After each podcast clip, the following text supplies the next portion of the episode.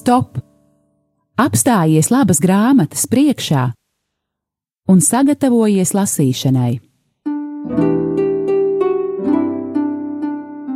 Grāmatzīme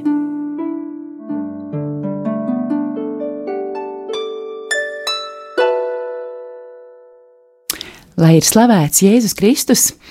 Esiet sveicināti, mīļie klausītāji! Ir eh, kārtējā trešdiena un laiks raidījumam grāmatzīme, eh, kurā mēs runājam par grāmatām un mudinam jūs tās lasīt. Un eh, šis ir, šī ir pirmā oktobra trešdiena, Un oktobris, kā mēs zinām, ir roža, mē, ro, roža kroņa mēnesis, kurā mēs ne tikai godinām e, dievmāti roža kroņa karalieni, bet esam aicināti arī roža kroni lūgties Un e, tādēļ šajā raidījumā runāsim par grāmatu, kas e, būs vēl viens e, tāds ļoti brīnišķīgs pamudinājums no jauna atklāt rožkroņu lūgšanu, no jauna to iemīlēt un lūgt. Un man liels prieks, ka studijā šodien kopā ar mani ir divas brīnišķīgas dāmas no izdevniecības dzīvības straumes. Un tā ir dzīvības straumju vadītāja Ilze Kurša Briede. Es sveicināta Ilze! Sveicināti. Un grāmatas tulkotāja Inese Gagaini. Jā, Sveika, Inese! Sveicināti. Liels, paldies, ka atradāt laiku. Un, jā, es vēl aizmirsu stādīties priekšā. Mans vārds ir Āja Balode un, un mēģinu šo raidījumu vadīt un par grāmatām jums, klausītāji, stāstīt. Nu, lūk, un grāmata, tātad, par kuru šodien runāsim, ir māsas Emanuēlas Majāras darbs Roža kronis ceļojums, kas pārvērš tavu dzīvi. Lūk, bet pirms mēs nonākam pie šīs grāmatas, pirms raidījuma, uh, Ilzi, tu man sacīji, ka uh, šis gandrīz kā tāds jubilejas raidījums varētu sanākt, jo, starp citu, tikko nosvinējām mieram tuvu 20 gadu jubileju, arī tāds apaļš skaitlis, bet arī jūsu izdevniecībai ir kāds apaļš skaitlis, ko svinēt. Varbūt pastāst arī klausītājiem. Nu, mums jubileja 20 gadu būs nākošo gadu, bet šogad tieši šī brīdī Inese Gagaina mums tātad tulko simto grāmatu. Mēs paši gan esam vairāk kā 130 grāmatas šajos gados izdevuši, bet Inese mums ir visu auglīgākā tulkotāja no angļu un franču valodas. Mīļā Inês, tiešām sirsnīgi tevi apsveicu ar šo jubileju, un lai tad izdodas ļoti svētīgi ar šo simto grāmatu tikt galā. Vai tu arī mm. ieskicēsi, kas ir šī simtā grāmata? Mm, jā, simtā grāmata saucās Sievietes pie akas. Tā ir tieši saistīta dzīves straumju un kalpojumu, kas ir kalpojums par iekšējai dziedināšanai. Mm -hmm. Es gan esmu šo grāmatu tik, tikko iesākusi, un tā ir domāta tieši sievietēm, sievietes dvēseles iekšējai dziedināšanai. Nu, kolosāli, lai izdodas tiešām svētīgs šis tulkojums, un, un saki, ja ir simts grāmatas iztulkots, vai tu arī atceries māsas Emanuēlas Majāras eh, rožkroņa grāmatas tulkojumu? Kā tev gāja ar to? Nu, es, protams, atceros, jo tas nebija tik sen, tas bija pirms pusgada, kad es viņu iztulkoju. Uz māja mēnesi, laikam, tieši kā uz divmātas mēnesi tā grāmata iznāca. Un, nu, jā, es esmu arī iepriekšējās mācības Emanuēlas grāmatas tulkojusi. Tā, kā klausītāji varbūt jau zina. Es arī esmu pārliecināta, ka viņi mm. to atceras. Jā, mm. lūk, bet varbūt Ilze, tad tu pastāsti, kā, kā šī grāmata oriģinālā nonāca jūsu rokās un kā jūs pieņēmāt lēmumu, ka tā ir jāizdod. Bija tā, ka māsa Emanuela bija tik, tikko uzrakstījusi svaigi pat rokrakstā šo, nu, tā kā ne no rokrakstā, bet no kompjutera ievadījusi šo grāmatu, un viņa vienlaicīgi izsūtīja mums šo grāmatu, un arī franču izdevniecībai, un mēs gandrīz vienlaicīgi ar vienas nedēļas starpību izdevām gan franču, gan latviešu valodā kā pirmās. Jā, un, un, un varbūt tu atceries tos savas pirmās sajūtas ar šo grāmatu iepazīstoties. Nu, es atceros, kad es uh, sāku. Pirmām kārtām es jau biju vairākus tos rožkroņu noslēpumus, īpaši šos uh, jaunos, divus, ko viņi pielikus klāt līdzcietības un žēlsirdības rožkroņu klausījusies apmēram pirms diviem gadiem. Tātad audio ierakstā viņa bija atsūtīta, nu, mums iedevusi. Jā. Un man jau tad ļoti aizskāra tieši šie divi pēdējie uh, rožkoņu noslēpumi, ko viņa arī ir izveidojusi no Jāna pilnīgi. Un tad arī, kad es sāku para, nu, tātad tos, ko mēs jau parasti skaitām, priecīgo rožu konturu un uh, pārējos ska, arī izlasīt tās meditācijas, jā, es jūtu, ka tā, tur ir ļoti daudz tādas novitātes, jā, un ka tas ļoti dziļi aizskar, un arī daudz, kas ir tāds, kad tiek atbildēts uz to, to cilvēku jautājumiem, ko parasti cilvēki arī jautā, ko viņi nesaprot, jā, bet tur iekšā grāmatā ir atbildes.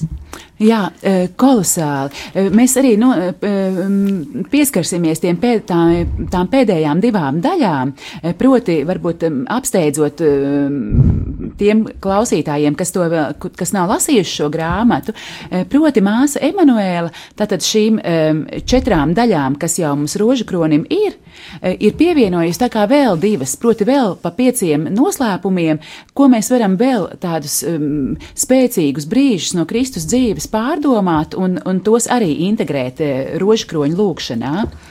Jā, Ilsa? Šorīt tieši, kad arī mēs lūdzāmies, jā, man ienāca prātā, ka arī Svētais Dominiks 13. gadsimtā būtībā izveidoja rožkroni, tāpēc, kad uh, vajadzēja lasīt evaņģēliju katru dienu, nu, tā kā jā. ir ieteikts, jā. Ja? Bet tā kā lielākā daļa vispār nespēja lasīt, jo bija analfabēti, ja, tad rožkrons ir tieši tāpēc, lai lasītu evaņģēlīju būtībā, nevis pateikt tikai pirmais noslēpums, tad, tad, tad Bet otrais noslēpums. tiešām tos notikumus. Galvenais jau ir tā apcerēt tos notikumus ka, un arī tos evaņģēlīja vārdus precīzi pat pateikt, ja. Un man vismaz vienmēr bijis tāda praksa, ka es pasaku, ja, to, kā tas ir evaņģēlijā rakstīts, ja, jo es jau viņu zinu no galvas būtībā, ja. Un tādā veidā tu arī pasludini sev evaņģēliju. Nu, pasludinu sev, un es arī viņu tā kā izlasu. Mm -hmm, protams, tieši tā. Jā. Lūk, labi, e, varbūt tagad ievilksim mazliet elpu un e, ieklausīsimies kādās skaistās mūzikas skaņās. Un, um, proti, māsa Emanuēla Majāra um, šeit uz grāmatiņas vāk rakstīts, ka no 89. gada eh, dzīvo Meģigorijē, un tad es ceru, ka eh, mūzikas redaktors būs atradis kādu skaistu dziedājumu no Meģigorijas draudzes, tad to arī paklausīsimies, vienosimies caur šo dziesmu ar māsu Emanuēlu, un tad pēc tam turpināsim mūsu sarunu.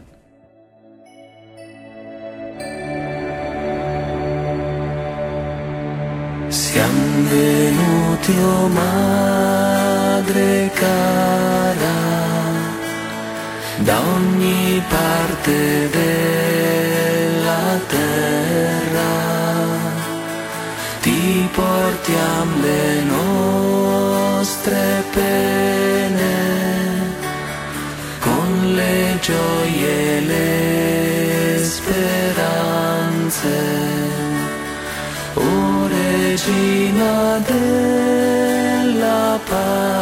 pace, il tuo sguardo ci consoli,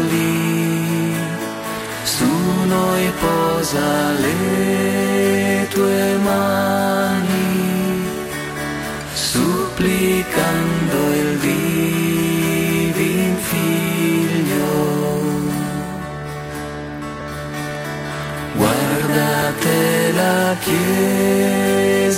Intera, stella estrema di salvezza.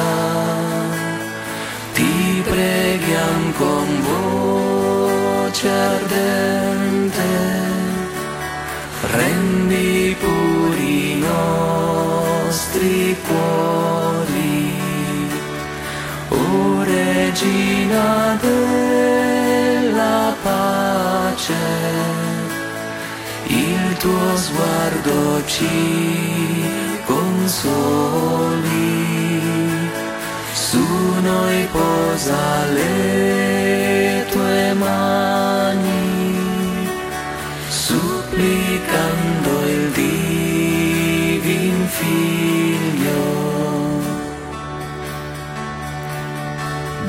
Došli smo ti, majko draga, sa svih strana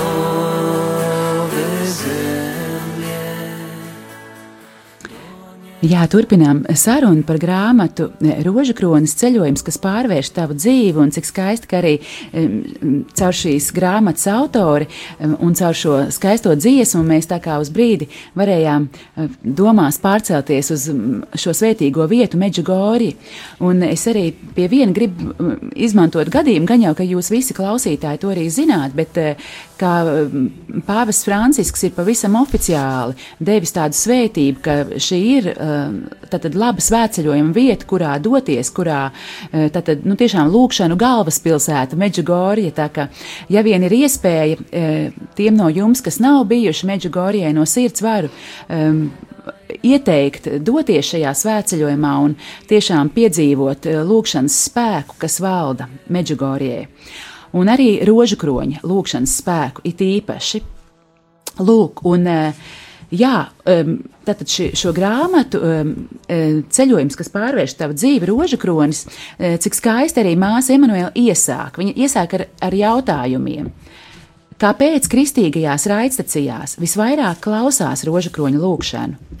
Kāpēc kompaktdisku tirdzniecībā ļoti daudz pārdod tieši CD ar rožkroņu lūkšanu? Kāpēc izcilais brīnumdaris tēvs Pio pastāvīgi turēja rokā rožu kroni? Kāpēc kalkutas mātes Terēzes rožu kronis viņai atvēra visas durvis? Kāpēc sieviete, kura sadragā čūskas galvu, tik dedzīgi iesaka lūgties rožu kroni? Un tā tālāk, un pēdējo eh, jautājumu, kāpēc es tiku pamudināta sarakstīt šo grāmatiņu? Un pēc tam, to jūs izlasīsiet paši, mīļie klausītāji, um, māsa Emanuēla um, brīnišķīgi, spēcīgi, tiešām slavē šo rožu kroni, ka tas ir uh, tiešām ierocis, pie kā mēs varam turēties. Um, Tad, tad brīnišķīgs palīgs mūsu garīgajā dzīvēm ļoti vienkāršs un ļoti, ļoti iedarbīgs. Un, eh, vismaz, un, un pēc tam arī viņi tā skaisti ievadā it kā dod vārdu pašam rožakronim, un rožakronis uzrunā un, un mudina mūs eh, eh, to lūgties. Un vismaz man tas tiešām ir no vienas puses tāds smaids, bet uh, jā, un, un, un tur šis rožkrons saka, jā, un starp cilvēkiem ir arī tādi, kas uzkarina mani uz, uz spogulīša mašīnā. Protams, es arī tur tā kā karājos un atgādinu, ka vispār es pastāvu, bet man ir žēl šo cilvēku, jo viņi neizmanto visas tās žēlastības, ko viņi ar manu starpniecību varētu iegūt. Un tad nu es arī apņ apņēmos, ka es no tiem, kas pa laikam tikai no noceļ šo rozu, rožu kroni no uh, sava uh, spogulīša mašīnā. Uh, vismaz oktobra mēnesī uh, tiešām centīšos, ka katru dienu viņš manā rokā būs un es šo spēcīgo ieroci izmantošu. Lūk, bet tagad es savu garo monologu beigšu un došu, došu tātad vārdu atkal jums, dāmas. Nu, proti, tā tad jā, un tad māsa Emanuēla tiešām ved mūs cauri šim rožakroņa ceļojumam. Proti, viņa min e, rožakroņa e, noslēpumus, gan visas e, četras iepriekšējās daļas, gan arī e, tātad šīs divas daļas, ko viņa iesaka lūgties no jauna. Un katrai no šie, katram no noslēpumiem viņa dod ļoti sirsnīgas, e, tādu, tādu, tādu sirsnīgu apceri iesaistot arī citus svēto lūkšanas pārdomas un tā tālāk. Nu, tiešām e, ļoti, ļoti brīnišķīgs, svētīgs materiāls. Um, Jautāšu jums tā, vai jūs jau esat izgājuši šādās uh, personiskās rekolekcijās cauri, nu, protams, Inese, tu tulkojot, bet vai arī uh, pēc tulkojuma esi šo grāmatu un šīs apceres izmantojusi? Nu, es esmu pārlasījusi atsevišķas vietas, bet, nu, tā Tā kā ļoti izmantojas. Ja nu, katrā ziņā es iesaku arī tev, mm. bet arī jums, vi, visi klausītāji, jo man šķiet, nu, tiešām ļoti bagātīgs materiāls, kuru lasīt, kuru pārdomāt. Vai, vai, vai tev ir kāds, kāda, īpa, kāda liecība par šo tieši lūkšanu, rožkroņu lūkšanu, izmantojot šīs apceres? Ilze. Nu, man ir, jo es esmu lūgus ar šo rožkroni, kas ir šeit māsai Emanuēlai. Tas eh, ļoti dziļi aizskar. Protams, eh, tas materiāls ir diezgan liels katrai rožkoņa daļai, jā, un tad gandrīz tā kā liekas, ka eh, labāk tikai vienu izlasīt un tā iedzināties un kaut vai, nu tā, kā saka, nevis uzreiz censties visas piecas, jā, vai visas 30, kā 30 sanāk, jā? Nu, tagad sanāk jā, jā. 6 reiz 5 tieši tā. Jā, Bet kas šodien man ienāca arī prātā, ka mēs uh, visi bijām šodien pusotru stundu lūkšanā, kad tā kā Dievs man pēkšņi teica, bet tā ir, šī grāmata ir kolosāls materiāls lūkšanu grupām, kad uh, 30 reizes tā kā rokas grāmata iziet, jā, Tika, un varbūt paņemt tikai vienu to daļiņu, tikai vienu noslēpumu katru reizi. To izlasīt kopā, padalīties un arī palūkties tās desmit lēni. Tā tiešām no visas sirds, tā kā dievmāte arī iesaka, ja, kad es lūdzos ar sirdi. Ja, un, jo tas materiāls ir ļoti bagātīgs, ja, un arī tādējādi mēs iedziļināmies pašā evaņģēlijā. Jo kāpēc arī Pāvils Jānis Pāvils II ceturto daļu izveidoja to gaismas daļu, jo viņš redzēja, ka publiskā jēzus dzīve vispār tā kā iztrūkst tādā rožkronī.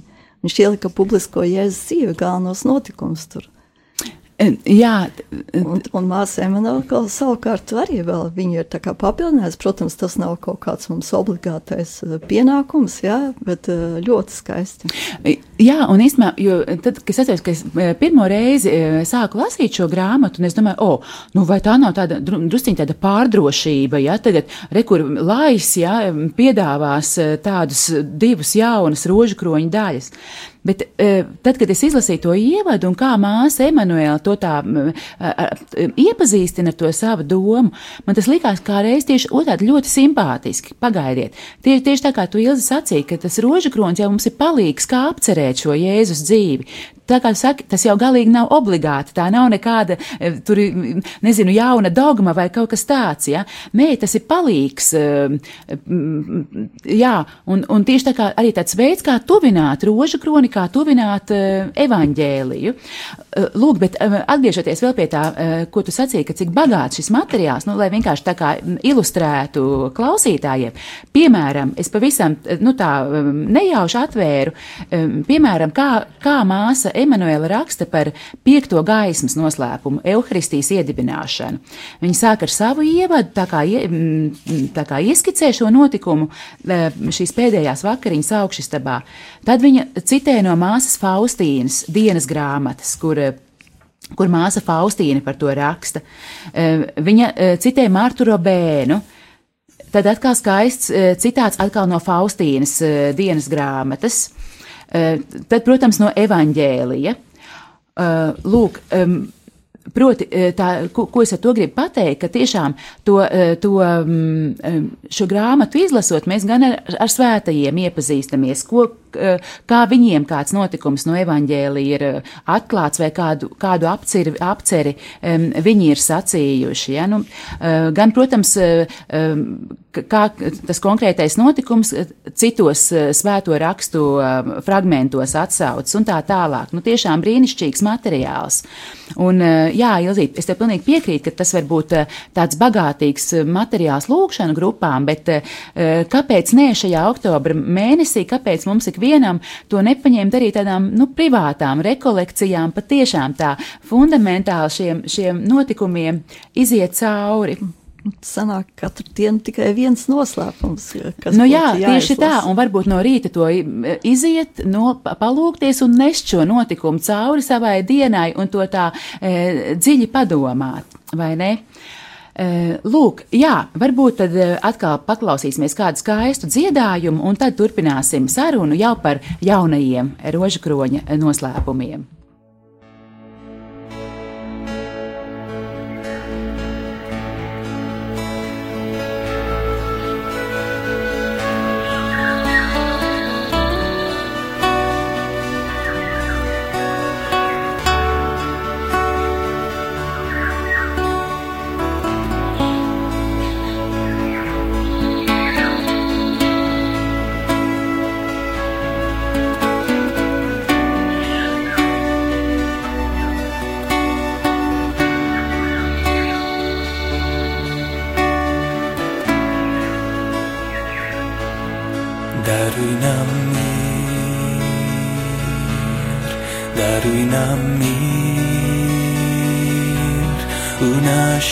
Sercu Iisuse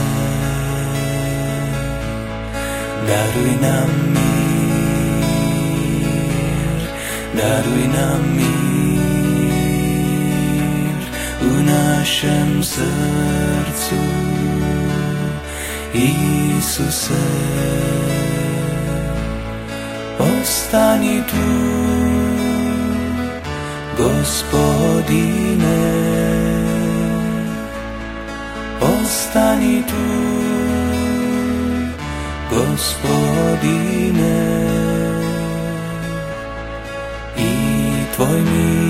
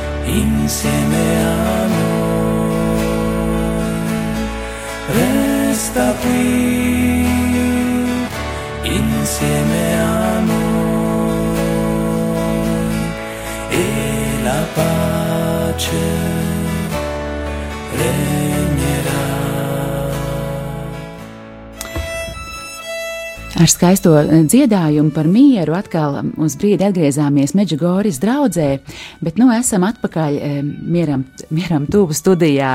Nē, bet Radio Marija studijā un turpinām raidījumu grāmatzīmi.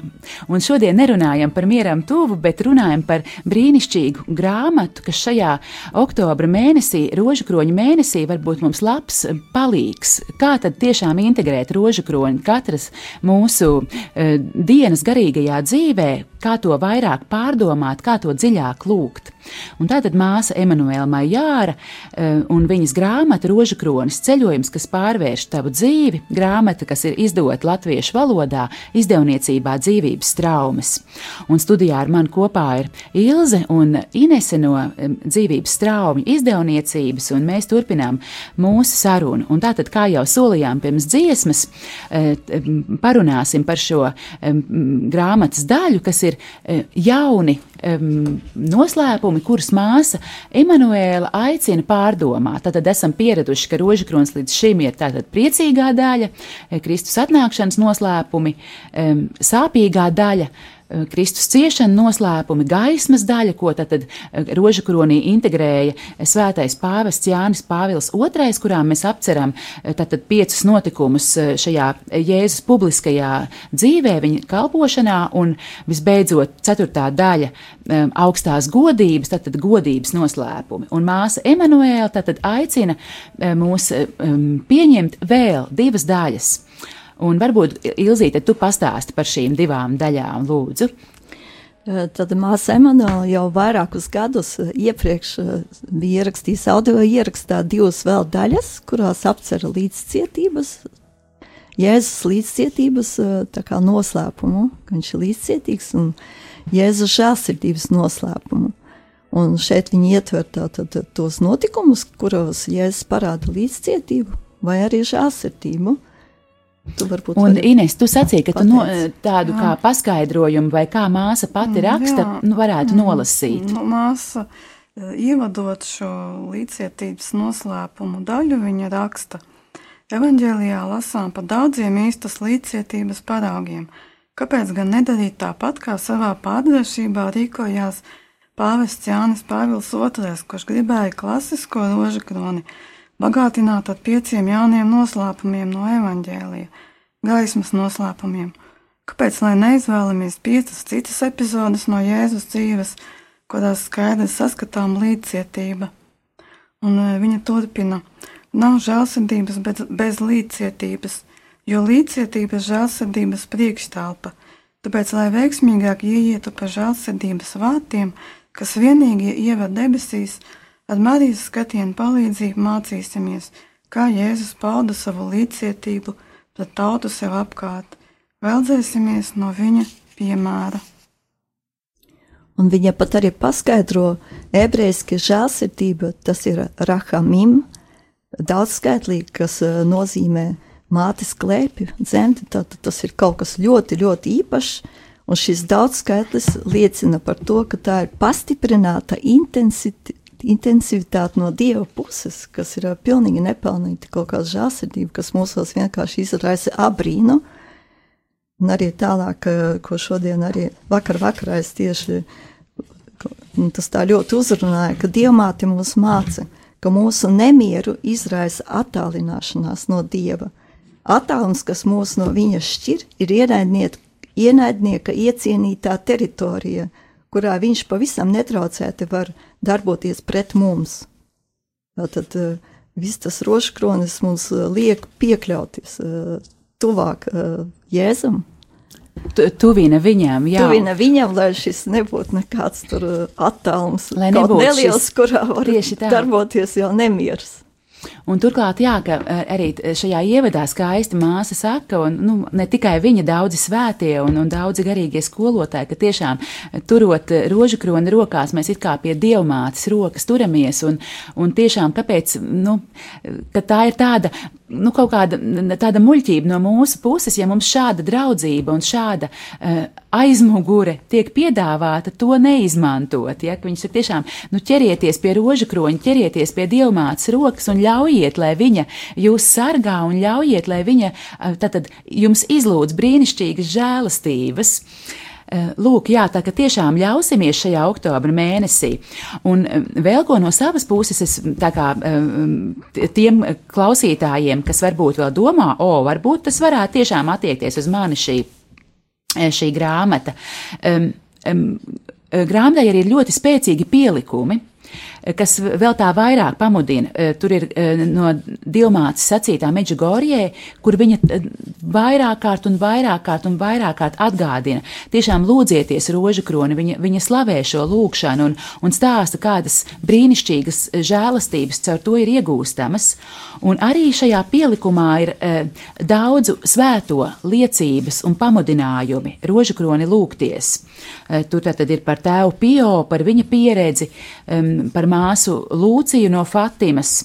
Um, svētais Luīs Marija Griņons no Monfores un vēl daudzi citi svētie, kas kā, viņu liecību, kā viņi ir izmantojuši, um, tātad rožu kroni un ko viņi par to ir teikuši.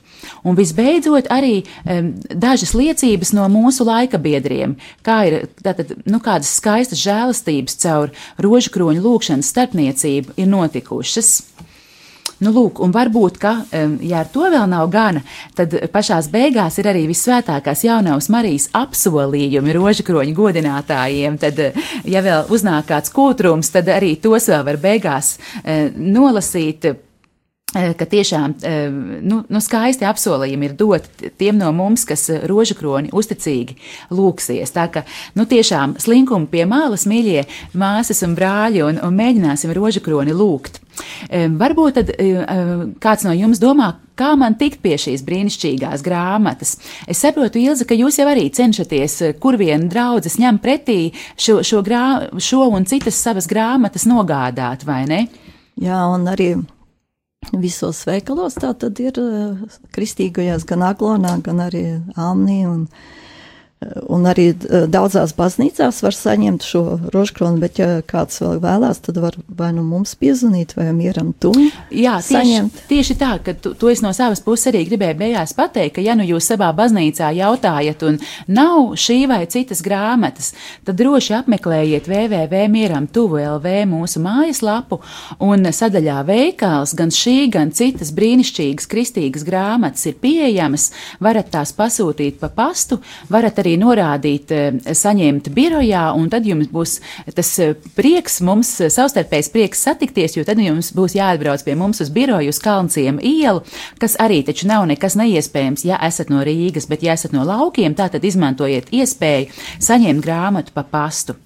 Lūk, es vēl beigās vēlēšos vienu skaistu fragmentu no grāmatas izlasīt, bet vai jums ir kāds vēl tāds atvadu vārds klausītājiem par šo grāmatu vai par izdevumu? Izdevniecības plāniem, vai kas nu ir sirdī vēl ko pēdējo pateikt klausītājiem? Nu, Mēs arī tagad, eh, tūlīt jau pēc eh, divām nedēļām, izdodam vēl divas grāmatas. Jā. Viņas pavisam nelielas būs. Viena sauksies eh, no rūkuma uz prieku, Cik skaisti. un šis autors, francūzis, Žants Filips. Filips Rojē. Jā, viņš arī sarakstījis ir ā, 30 dienu lūkšanu svētajam garam, kas ļoti daudz uzrunāja. Ah, Ļoti tā arī tika cilvēku. jau izdota šī Jā, grāmata. Jā, jā, jā. jā. 30 dienu novena svētajam garam, kura arī katra lapus ir tik bagātīga, ka cilvēki tiešām, un arī es pati personiski lūdzos tiešām šo novenu 30 dienas, kas ļoti bagātīgas augļus ir devusi. Un otra grāmata būs uh, Liepkoka noslēpums. Un tā ir, um, to ir sarakstījis austriešu autors Johannes Fichtenbauers, tā ir par mesijāniskajiem jūdiem un vispār par jūdu, jeb ebreju vietu baznīcā, kas viņiem patiesībā būtu jāieņem. Un ka tas ir tāds process, ja, kas notiek, bet uh, ka baznīcai būs kādreiz jāuzņem atpakaļ savi vecākie brāļi, ebreji. Ah, Ļo, ļoti interesanta tēma.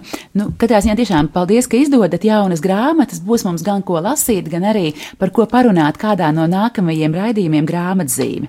Bet tad lūk, pašās, pašā um, raidījuma izskaņā tad ļausim vēlreiz mūs uzrunāt māsai Emanuēlai Majārai.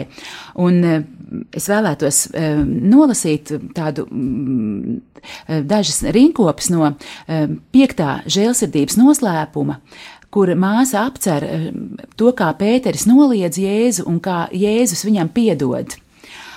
Un māsa raksta, pēc augšām celšanās Jēzus neteica Pēterim, paklau, Pēteri, es tevi ļoti mīlu un biju, biju izraudzījis par apstuļu apstuli, bet tu mani trīsreiz noliedz ļaužu priekšā, tāpēc es pārdomāju un tavā vietā drīzāk likšu Jāni. Viņš arī atradās Kajafas pagalmā, bet mani nenoliedza. Turklāt viņš stāvēja arī krusta pakājē. Tāpēc tu taču sapratīsi, ka man sava izvēle jāgroza. Nē, Dievs savas dāvanas nenožēlo, tās ir neatsaucamas, un Pēteris pēc šiem notikumiem kļuva par krietni labāku līderi. Apzinoties savu vājumu, viņš kļuva spējīgs saprast katra cilvēka vājumu, baznīcas vājumu. Viņš neskatās no augšas un netiesā viena otra grēcīga priestera šokējošo izturēšanos. Tagad viņš saprot, jo arī pats ir šokējoši izturējies. Atšķirība starp Pēteri un Jūdu ir nevis izdarītā grēka veidā, jo gan noliegums, gan nodevība ir smagi grēki.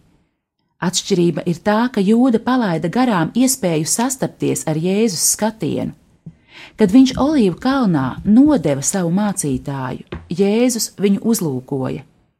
Jūda sniedza Jēzum skūpstu uz lūpām, taču Jūdas uzmanība bija koncentrēta uz paša zemisko nodomu.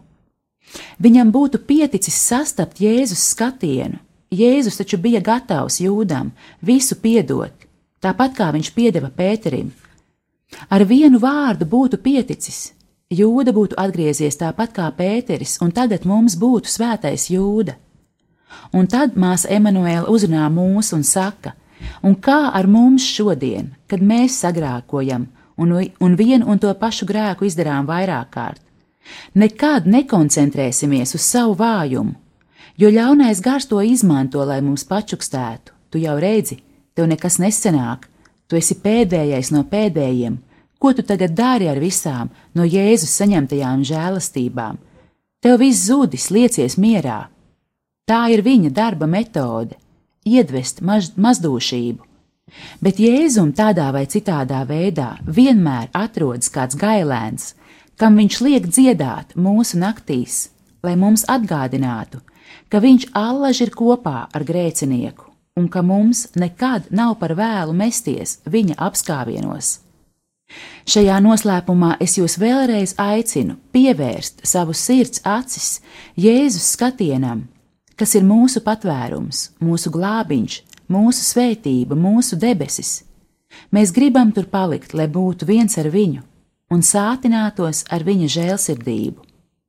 Tā arī mēs savukārt varam kļūt par viņa žēlsirdības apstuļiem, nevis ar saviem vājiem spēkiem, bet tikai un vienīgi pateicoties viņa dievišķajai klātbūtnē mūsos un viņa žēlastībai. Pacelsim tagad acis uz Jēzu, kļūsim par to, ko kontemplējam, kļūsim par žēlsirdību. Un visbeidzot, māsa beidz ar psalma vārdiem, tie raugās viņā un staro. Un tad, mīļie klausītāji, tiešām novēlu šajā oktobra mēnesī raudzīsimies viņā, raudzīsimies mūsu kungā Jēzu Kristu, raudzīsimies caur rožu kroņa lūgšanu, un tiešām tad, lai viņa žēlsirdība staro mūsu dzīvē, un lai šis ir mums viens bagāts mēnesis, jā, lai mums tas visiem izdodas. Eh, paldies eh, jums, Ilze, Inese, ka atnācāt. Paldies māsai Emanuēlē par brīnišķīgu grāmatu. Nu tad nu ņemsim un to izmantosim. Lai mums skaists dienas turpinājums līdz nākamajai reizei. Visu labu! Stop! Apstājies labas grāmatas priekšā un sagatavojies lasīšanai. grāmatzīme.